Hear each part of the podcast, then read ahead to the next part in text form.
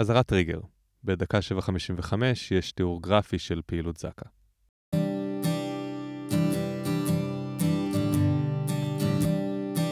יומיים לפני השבת השחורה חגגנו יום הולדת לחברה שלי, קארין.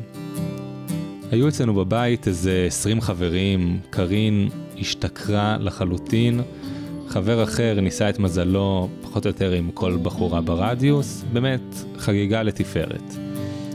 אני נדדתי בין חבורות, מתרגש לשתף אנשים שאת היום הולדת הבאה נעשה בלונדון. קארין ואני פועלים במרץ לכיוון הזה כבר כמה חודשים. אני על גג העולם.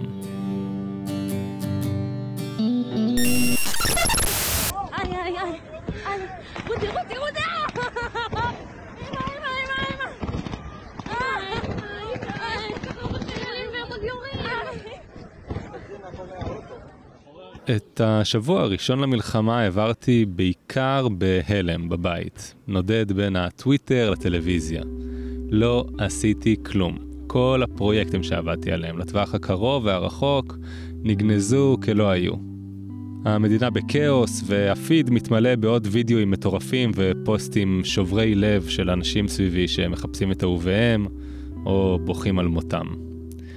דלת הבית שלנו נפתחת רק כשצריך לרוץ למקלט. בשאר הזמן הבית נעול. כשאנחנו שומעים גבר ערבי ברחוב מתחת אנחנו נדרכים. נושמים לרווחה רק כשהוא דופק בדלת ומתגלה כשליח וולט. הכל בערפל, הכל אסון. החיים שהכרנו נגמרו. אני משתגע לי על הספה, אפס תפקוד, מאבד את זה לאיטי. עד הצלצול הגואל. הוא מגיע שבוע אחרי השבת השחורה, במוצ"ש ב-11 בלילה. אני מקבל טלפון שמזמן אותי למילואים. אני לא מודה בזה בפני קארין, אבל ביני לבין עצמי, אני שמח על הטלפון הזה שגואל אותי מלהמשיך ולהירקב על הספה. למחרת בבוקר אני מגיע לבסיס חימוש במרכז הארץ.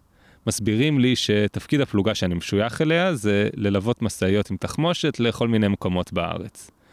אני מקבל אפוד, נשק, נוסע למטווח, יורה חמישה כדורים, לא פוגע בכלום, וזהו, מבחינת צה"ל אני כשיר ללוות משאיות עם תחמושת לכל רחבי הארץ. אני גיא בן נון, וזו המלחמה הראשונה שלי.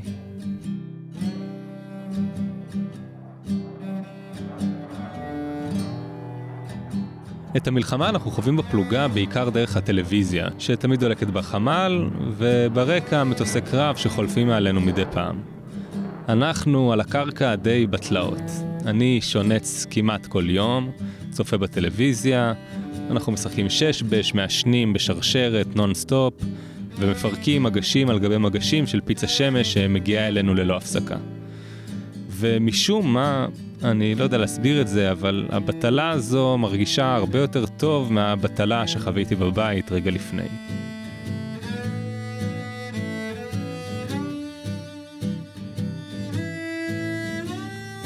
חולפים שלושה ימים של כלום עד שאני נשלח למשימה הראשונה שלי.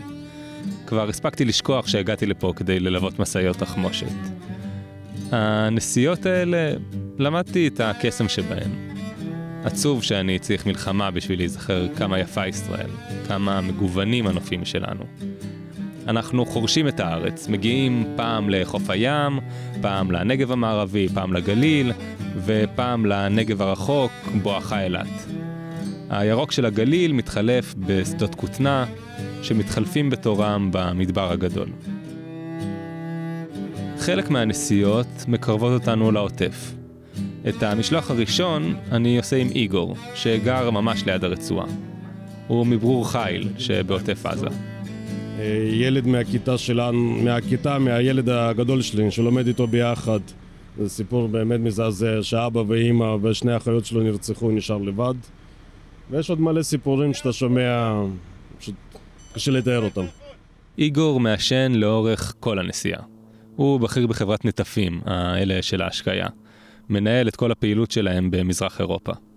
השיער שלו מלבין, על אפו משקפי שמש שחורים, והוא לובש דרייפיט צמוד בצבע חאקי, בקטע שמזכיר לי את זלנסקי.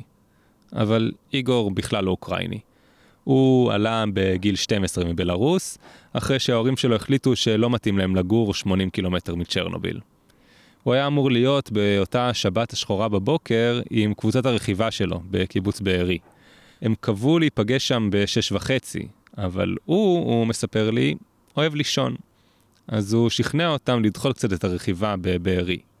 יש מצב שזה הציל אותם.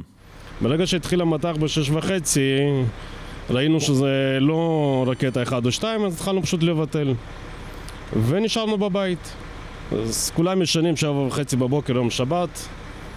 אני יושב בחוץ עם קפה וסיגריה, עד שאני קולט באמת את הסרטון ההזוי משדרות, שאתה רואה רכב של דאעש, אוקיי, יורה על ניידת של משטרת ישראל, ומי שמצלם זה בחור ישראלי, אתה שומע שזה משהו בלתי נתפס. שמונה בבוקר הרמתי טלפון לרשב"ץ שלנו, שאלתי אותו, אבי, מה, מה הולך? כאילו, אני רואה סרטונים הזויים. הוא אמר לי, תקשיב, אם יש לך נשק בוא לשער אם אתה רוצה, ואם אין לך נשק תעלה על הגג, אתה רואה כל תזוזה תגיע.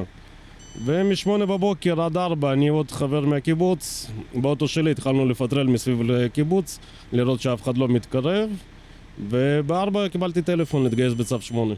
את הזווית על השבת השחורה ועל הימים הראשונים אחריה, אני שומע כמעט מכל אדם שאני מדבר איתו.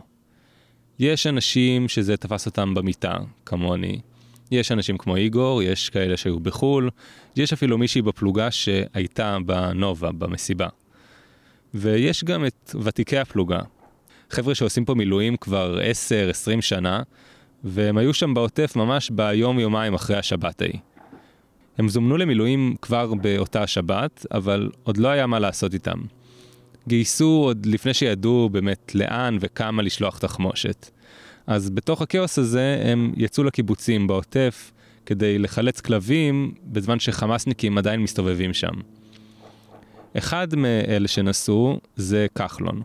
הוא בחור גדול, לא רחוק ממטר תשעים, קרח. דרגות הנגדות על הכתפיים שלו מרמזות שהוא עשה לא מעט מילואים בחייו. לב טוב. הוא מספר לי עם דמעות בעיניים על הבתים השרופים והאנשים שהפכו למקשה אחת בתוך הבתים האלה שעלו באש. לומר לך שלא קיבלתי איזה סוג של הלם מהמראה בעיקר בגלל הריח. זה סוג של... אה, זה דברים שאי אפשר לאחל, זה אכזריות שאין... עוד לא... אין, אין מילה במקסיקון שתתאר את מה, ש, מה שחוו שם, במיוחד אנשי זק"א. אנשי זק"א, כשאנחנו חזרנו, חזרנו מבארי, ואז היה איש זק"א כזה שעובר עם uh, מלקוש כזה, ואני רואה אותו אוסף ככה ושם בתוך שקית, מסתבר שזה המוח. מוח של איזה מישהו, ואז היה גשם, היה איזה יום, יום שהיה פה גשם, ואני אומר לו בוא תיכנס לאוטו, שיעבור הגשם, ואחרי זה נצא, לך. הוא אומר לי מאה שנה של גשם רצוף, לא אספוג כמות דם שיצא פה. חזרנו הביתה, חזרנו באיזה 11 בלילה, חזרנו לפה, סחוטים, אבל ספקים היה לנו... אתה לא יכול אה, להקל על זה, שוב, המוח לא, לא מקל את מה שאתה רואה שם. לא כן, אפילו... אה, אני ממש מתקשה להכיל את הסיפורים האלה.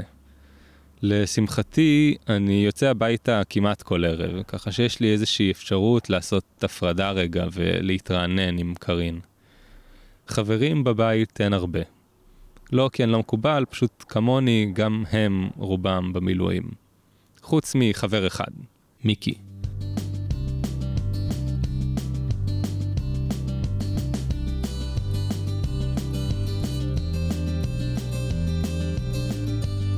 אני נפגש איתו הרבה כי הוא עוזר לי עם הפודקאסט הזה, וגם בלי קשר מייצר לי איזשהו אסקפיזם מכל הטירוף הזה שקורה פה. נותן לי טעימה מחיים שגם אם הם לא רגילים לגמרי, הם לפחות איפשהו ליד שם. הוא מתמודד עם פרידה יחסית טריה, תוהה מאיפה להשיג כסף כי העבודה שלו אין אותה בימי מלחמה, משעמם לו רצח הרבה מהזמן, אתם יודעים, צרות די רגילות. אני מתענג על צרות כאלה אחרי שאני שומע את הזוועות במילואים. אני הרבה בטינדר לאחרונה. ובהתחלה חשבתי, טוב, זה הקשר של הפרידה, ובסדר. אבל אה, אתה יודע, אני כל פעם מאשים את הפרידה, זה כבר לא, זה מתחיל להיות מגוחך, ואני חושב שזה באמת השעמום הזה. ואז נשאר לי, אתה יודע, לקוות שמישהי תדבר איתי. כן. איזה, איזה אבסורד, כאילו. כאילו, כמעט אה, צריך לפתוח אפליקציית אה, אה, חוברים ביחד בזמן המלחמה, אתה מבין? לעשות אה, מפגשים כאלה. כן. ש- אני חושב שזה מצחיק פשוט שכולם כזה מתחרמנות מה- מהמילואימניקים במדים, ואז... אה, נפגשות עם איזה... כן, כן, כן, כן. עכשיו, אתה יודע, היום היה בכלל מוזר, כי, כי היום דיברתי עם uh, מישהי שנפגשתי איתה לפני כמה זמן, שהיא היה לה יזיז אחר, שהוא uh, במילואים. וכנראה הלך לנו טוב, כאילו. ואז היום היא רצתה לבוא. וזה לא ממש הסתדר לי, כאילו, אז כן. התחלתי להסביר שזה לא מסתדר לי, אבל גם לא הייתי בטוח אם זה לא הסתדר לי, אז לקח לי זמן. להגיע למסקנה שזה לא הסתדר לי. כן. ואז, אה, כשהודעתי לה את הלא הסופי, אני חושב שהיא ניסתה להוציא לי את העיניים קצת. אז היא אמרה לי, טוב, לא נורא, אולי אני אדבר עם, עם הבחור ההוא שממילואים, אז מה זאת אומרת? אז אומרת לי, אז זהו, האמת שהוא קיבל אפטר של 48 שעות, והוא ממש רצה להיפגש איתי. אתה יודע, ופתאום הרגשתי כמו בוגד. ממש, אתה לא יכול לקחת את הזיון של המילואימניק. ממש! איזה נורא! אז אני מתחיל, אני מתחיל לצאת עליה בוואטסאפ, אתה מבין? אני, אומר, אני כותב לה, מה זה החוצפה הזאת? את נפגשת איתו? אני לא קשור לזה. אתה יודע עכשיו, היא בכלל ב... אה, כאילו באג סיסטם. אז זה הגוף שלי, אני אפגש עם מי שאני רוצה, אתה יודע? כולם התבלבלו, כאילו, מה אני אומר למישהי עם מי לשכב בכלל, כאילו? אתה מבין? אז איך זה נגמר? כמו אמריקאי טוב שלא רוצה לקחת חלק בסכסוך. אמרתי לה, את צודקת. את צריכה לעשות מה שאת רוצה. אל תיפגשי איתו מתוך רחמים. תיפגשי איתו אם בא לך, או אם אולי זה עושה לך טוב, לתת מעצמך למען המאבק, כן? אתה יודע. אבל אני לא לוקח חלק בדבר הזה. יפה. כל עוד הוא באפטר, אני מעדיף שלא ניפגש. ככה אמרתי? ובפועל, אני לא יודע אם אני יכול לראות לא, אותו אותו דבר. אני חושב שהיית בצומת, שהיית יכול להחליט אם אתה בוגד או לא, ואני חושב שאתה תדליק משואה, מיק. אתה תדליק משואה. אני והראש. באופן מוזר, החזרה לבסיס עבורי היא מבורכת. זה מספק איזושהי ודאות בתוך תקופה חסרת ודאות לחלוטין, לגבי עבודה, לגבי העתיד, לגבי כלום. העתיד מעסיק אותי הרבה במלחמה הזאת. אני נהיה פסימי יותר מיום ליום לגבי העתיד של המקום הזה, אבל במקביל גם מרגיש מחובר לפה יותר מאי פעם. אולי זו הסיבה שאני חותר לדבר עם האבות המילואימניקים סביבי על הילדים שלהם. כי במידה מסוימת אני מרגיש עדיין ילד בעצמי. ילד כזה שטועה על העתיד שלו במקום הזה, ומחפש איזו תובנה מזקני השבט. לא שהם זקנים חלילה, שלא ייעלבו לי. בוא נגיד שהילד שלי, הילד שלי רואה הרבה טיק טוק, ואז הוא אומר לי, אבא, פעם הבאה שאתה בא הביתה, אתה בא, אתה בא לבית הספר שלי עם הנשק, ואני קופץ עליך כי התגעגעתי. איזה חמור. אמרתי לו, סבבה. וואי, אין כמו ילדים, הם באמת את הסיפור. הוא בן תשע, הילד של כחלון. ולילדים לפי דעתי יש יכולת אדירה לר, לרפא את מה שאנחנו חווים מפה. חד משמעית. התמימות שלהם יכולה באיזה סוג של מתיקות שאין לה, אין לה, אין לה רף של טעם אפילו. זה סוג של, יודע, אתה יודע, ביום הראשון שבאתי הייתה לי בעיה. בימים אנחנו היינו בין הראשונים פה, אני חושב שיום אחרי. והיו איזה שלושה ימים, ארבעה ימים שהיינו פה רצוף, אפילו יותר. היינו פה רצוף, ואז היה איזה מצב שהילד התקשר ולא יכולתי לענות כי היינו ב... באזור של העוטף, כן, ואז הוא שלח, אשתי שלחה לי הודעה, תענה לו דחוף, הוא בסוג של מועקה. אמרתי לה, ליטל, אם אני אראה לך איפה אני נמצא, לא כדאי שאני אענה לו. ואז באמת יצאתי לפה, ואז נתי ראה שאני קצת אה, לא מאה אחוז, אמר לי, מה קרה? אמרתי לו, סיפרתי לו את הסיפור, ואז הוא אמר לי, תשמע, לך הביתה. לך הביתה, ככה, אמר לי, קח את עצמך, זה היה איזה תשע בערב, ולך הביתה. מאה אחוז, כאילו. מה, ישן, עשה לי נמק ביד. ישן לידי, מחובק, איזה כיף, התגאה בי, אבא תראה לי, אני יכול לגעת, אני יכול זה. אמרתי לו, לא, אתה רואה? זה כמו אש. זה רק אבא נוגע. ואז הראיתי לו איפה אני שם את זה, והוא ראה את המחסניות, ואבא מה זה, אתה יודע, ילדים הם סקרנים, אבל ילדים טובים כאלה. אני עושה לו, והוא אומר לי, רגע, אבל אני רואה את זה ב... ב-call of duty. הם מבינים הכל, אתה חושב שהם תמימים, אבל הם אה, לא, הם יודעים. סופר. אז זה עדיין מוקדם, אבל אה, אני יכול להגיד לך שאני רוצה שהם לא ימשיכו לגור פה במדינת ישראל. יש לו ארבעה ילדים לאיגור. הגדול חגג בר מצווה ממש רגע לפני המלחמה. אה, כמו שאמרתי לך, אני שליש מהזמן שלי בערך מעביר בחו"ל. כן. וכל מבצע וכל ידע שיש מעזה, אז אני מקבל עשרות טלפונים מהלקוחות וחברים בחו"ל שאני מכיר. כן. ואני פשוט שומע אותם, מסביר, ואני מנסה להסביר להם, תשמעו, קיבוץ ברור חיל זה לא בזווית הירי של אשקלון, אנחנו שומעים את הבומים, אין לנו אזעקות, אצלנו הכל רגוע ושקט. תראו את הילדים בחוץ על הדשא משחקים כדורגל, והבעת פנים שלהם בשיחות וידאו, ולשמוע שזה הזוי, אוקיי? כן. בסוף זה מחלחל לך, ואני רואה איך הם חיים, ומה הם עושים, והשגרת חיים שלהם והילדים, אוקיי? אז אתה מבין שפה זה, כן. זה חיים הזויים. אנחנו התרגלנו, התרגלנו, כן. לנורמטיב, כן. למשהו שאנחנו תופסים כנורמטיבי שהוא לא נורמטיבי בעליל. נכון. בסוף משלוח התחמושת, כשאיגור ואני חוזרים לבסיס עם משאית ריקה, אני אומר לו תודה, לוחץ את ידו, ואנחנו מחליפים חיוך. יש בבסיס קרוב ל-100 נהגי משאית במילואים. הסיכוי שפול על אותו נהג פעמיים נמוך מאוד. הנופים משתנים, הנהגים איתם.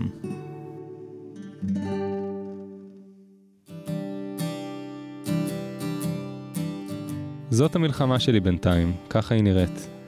איזושהי נדנדה אבסורדית כזאת בין צחוקים של החיים לסיפורי זוועה, לשירה בציבור, ליגון אימים מהמצב שאנחנו נמצאים בו, ותוך כדי הצצות אקראיות לחיי העורף שמושפעים בדרכם המוזרה מכל הסיטואציה הזאת.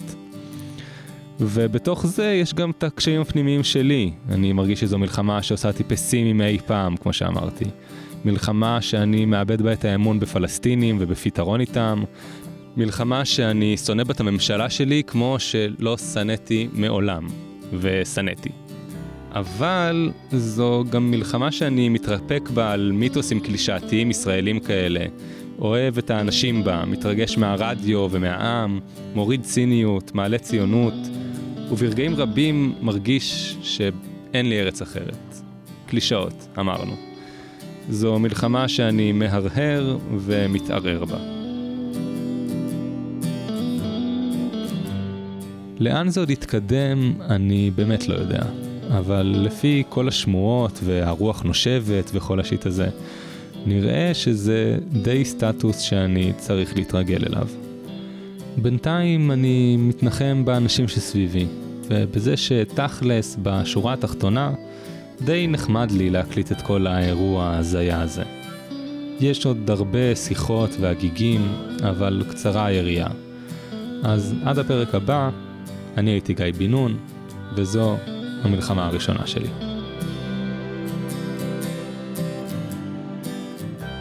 תודה רבה ל"מתחת לרדאר", אתם מוזמנים לעקוב אחריהם באינסטגרם, בטיק טוק ובכל פלטפורמה אחרת. אתם מוזמנים גם ללחוץ פולו על הפודקאסט הזה, לדרג אותו, והכי חשוב, להמליץ עליו לחברים ולחברות.